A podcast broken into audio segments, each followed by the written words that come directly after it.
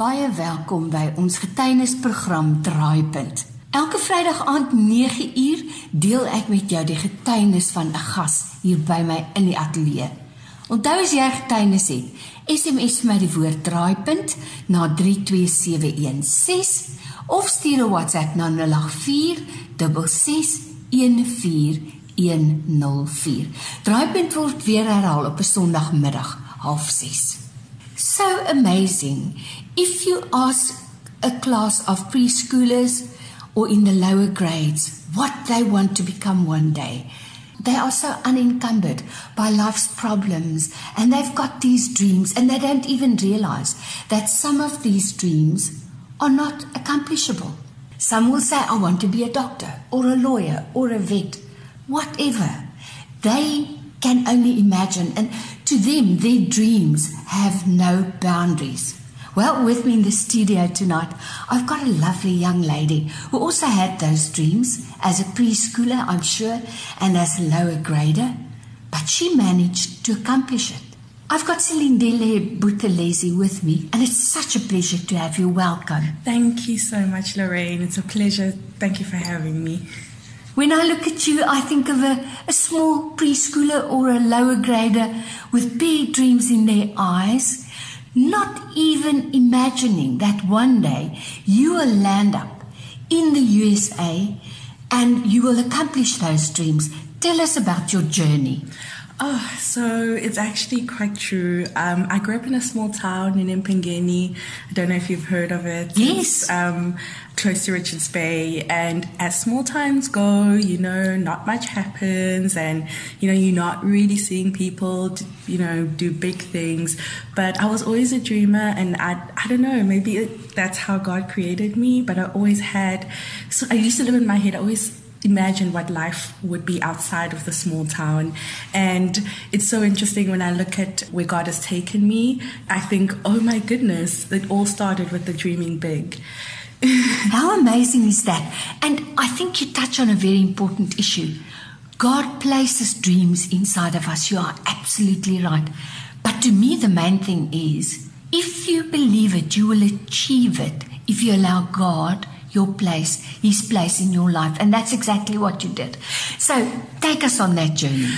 Okay, so as I said, I grew up in a small town, and I always love. So I value education, and you know, I'm also passionate about the youth. So I always emphasize this: God placed the dreams, but yes. it was the discipline and just the pursuing education that helped him create. Pretty much made him create the path for where I've, I've ended up. So I was really into books, and I was very disciplined. And then um, I got into law school at the University of KwaZulu Natal in 2000 and then four, pursued my Bachelor of Laws and did a master's after that.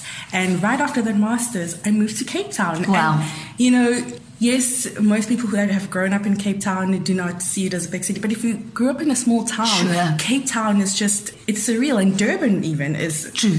is a big dream. And and here I was already thinking this is amazing. I've moved out of a small town and I'm living in, in Cape Town. But God had bigger dreams oh, than wow. I could even dream for myself. And so I moved to Cape Town to start working at um, one of the big law firms here in Cape Town, Cliffe Dekker, I've mentioned. Um, I spent years as an article clerk, and then I got admitted as an attorney in 2012. Then after that, I worked as a law researcher at the Western Cape High Court, and then in 2014, I joined UCT as a law lecturer.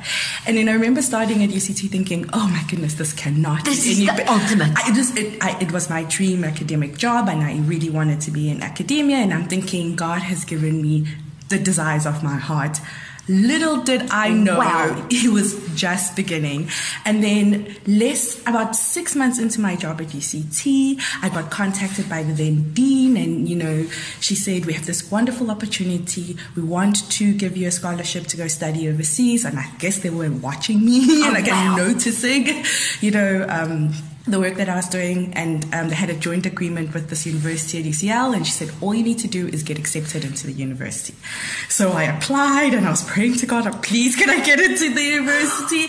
And when I got the offer, I was so, I, it was just so surreal. So I moved to the UK in 2015 to pursue a second master's degree in law, and then I came back to UCT. I was so excited. I'm thinking, Well, God has done it. This is like, it, it cannot get any better. Continued to teach. And then, of course, because it's academia, I started thinking, well, I'd love to pursue a PhD. There has to be more. There has to be more. And so I was thinking about universities of where to apply. But then in the meantime, there was this conference at Stanford University that I really wanted to attend. It was for junior faculty members from all over the world. And so you submit these papers and they choose the top 10 papers and they fly you out. So my paper was selected. And Wow. I'm thinking, this, you know, I'm already excited. I'm about to present to Stanford at a, Stanford conference. Little did I know it was never about the conference. God Oh. knew why he was, you know, sending me to Stanford. And so I got there and I remember just thinking this uh, university is amazing. I'd really love to go here. Let us stop the story there, keep you in suspense a bit longer. With me in the studio, I've got Silindile Buthelezi. You know, one important thing that you said that we have to touch on. Someone once said, God can, but he will not move a parked car. Yes. So, you diligently studied, you pursued all avenues, you looked out for opportunities, and with God's help, He moved you always in the right direction. How amazing is that? And I think it's such a lesson for young people. Some effort from your kind, because someone said also, God will bless effort. That is so true. And it worked out in your life. So let's continue the journey at Stanford University. So I've just arrived, you know, and and um, first I couldn't believe that I was one of the ten selected. Yes. this is junior, you know, university staff members from all over the world. Um, I remember one of the the young lecturers that was presenting was a lecturer at Cambridge, and, Oh, wow. I'm thinking, how Oh. how am I here presenting, you know, in front of esteemed professors? And so I, I really enjoyed that week. I came back and um, I started to think, you know. I'd like to actually do a PhD there, but I thought, oh, this is absolutely like This is pushing it. this is pushing it now. This is the top law school in the world. Wow. And I'm thinking, I don't know, but then I, I, I did the research and I and I then I sent one of the professors who I'd met at the conference and I, you know, so they have a pre-doctoral masters that you have to get into before you move on to the doctorate. And so I sent him an email just asking and trying you like, I had some questions about it and I remember he answered the questions and he and he um, had this one line which was like the, the moment that, That stood out. that gave me the push and he said you know obviously nothing is guaranteed but I would highly encourage you to apply because I think you are a very strong candidate. Oh, wow. And I remember just thinking, I just needed that push. And so I applied. Honestly, I thought this is, I'm just throwing, you know, things into the wind. How can I get into, you know, this top university? And God did it. And I was one of the 12, the only 12 people who were selected to this program. And I was accepted. And last year in September, I went to begin the pre-doctoral masters. And then I've just graduated and I'm moving on to the doctorate. A little girl from Mpangeni with stars in her eyes and big dreams. But God knew the whole journey. He saw it right from the beginning. Silindile, in closing, what role does God play in your everyday life? I wholly depend on him in everything. And I, you know, I have big dreams, but I, so many people always wonder, why do I take these bold steps? I must be courageous. And actually, I'm not. It's really prayer and faith, and everything is a faith-filled step.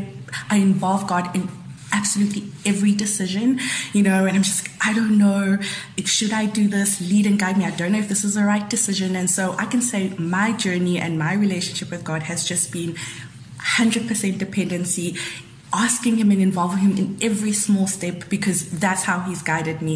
If i had not done that i would not have taken those steps that that effort because you need you need the courage. And it's True. not we human you know we, it's not within us but it's the god confidence. It's the god inspired courage. And so prayer is important and not just prayer at night before you go to bed but just involving god in every single step in every single minute of your day. And that's pretty much how i get through And I think that is pretty much a definition of a personal relationship with Jesus Christ. He's more real than the person sitting opposite me right now.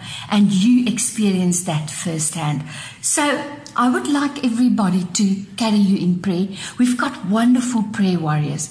So if I may be so bold to ask you to lengthen your prayer list right next to your telephone booth, uh, right next to your telephone or on your bedside table, please write her name down. Silindile Buthelezi.